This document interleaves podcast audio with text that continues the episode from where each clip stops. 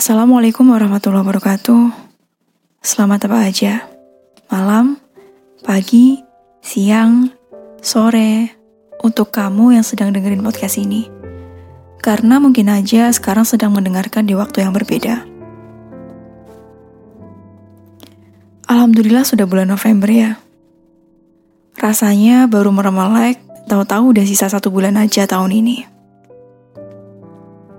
Tahun ini, mungkin tahun ini ada yang ngerasa isinya overthinking, tidur, bangun overthinking lagi, tidur lagi, overthinking lagi, mikirin masa depan bagaimana. Sementara keadaan saat ini dan beberapa bulan sebelumnya aja bisa dikatakan berisi ujian tentang berbagai macam hal.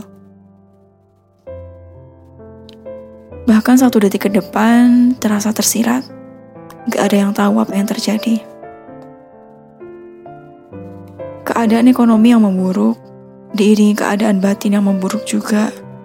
Kesehatan, ketakutan, kehilangan, sekumpulan usaha yang dilakukan untuk bertahan. Lelah ya. Merasa lelah akan kehilangan um, kita nggak bisa sebut ini kehilangan sih, tapi karena dari awal kita memang sebenarnya tidak memiliki apa-apa. Semua yang ada di kita, termasuk diri kita sendiri, itu titipan semuanya. Kesepian dalam harapan menanti dunia kembali normal seperti semula, yang disambut sama pikiran yang asal nyaut aja. Emang bisa ya? Mungkin gak ya? Membuat diri semakin frustasi. sehingga itu menjadi topeng wajah yang mungkin hampir dikenakan setiap hari. Dan kalau boleh bilang kepada teman-teman yang sedang dengerin podcast ini dan juga diriku sendiri, dalam kondisi seperti ini, yang bisa kita lakukan adalah saling memberikan dukungan kepada orang-orang di sekitar kita, dan yang terutama adalah memberi dukungan kepada diri sendiri untuk menghadapi perubahan yang terjadi. Semua orang berharap keadaan segera membaik, mengharapkan kebebasan seperti sebelumnya atau rutinitas normal yang kita miliki sebelumnya. Kita semua menginginkan itu.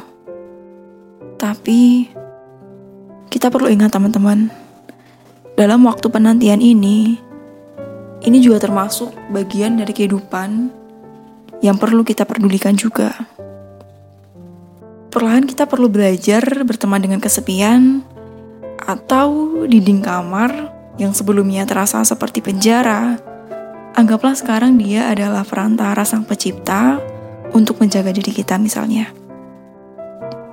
Temukan sesuatu yang menjadi alasanmu untuk tersenyum dan bangun hari ini.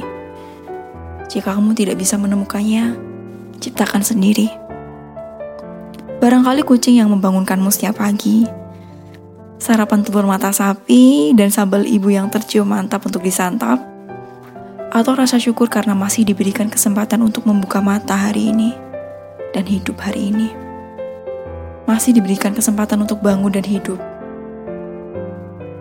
Itu merupakan anugerah yang luar biasa. Ciptakan alasan-alasan itu untuk bertahan dan melanjutkan kehidupan. Barangkali ada sesuatu hal indah yang disiapkan untukmu satu detik ke depan. Tidak ada yang tahu. Jika kamu memutuskan terus melanjutkan perjalanan kehidupan. Karena dunia membutuhkan kamu.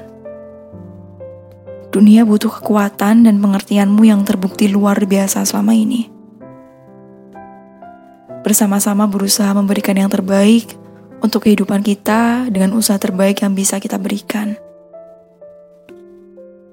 berhenti melihat sudut yang lancip atau garis dan bidang yang tidak sempurna. Kita perlu mengalihkan pandangan dan melihat tawa serta sesuatu yang indah di sisi lainnya. Kadang kita hanya perlu menoleh dan mengalihkan pandangan mata. Begitu ya. Terima kasih atas penerimaan dan kesabaran yang kamu berikan. Dunia membutuhkan orang yang hebat seperti kamu.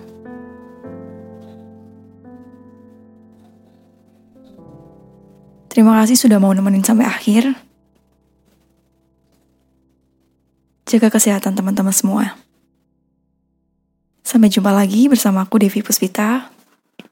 Assalamualaikum warahmatullahi wabarakatuh.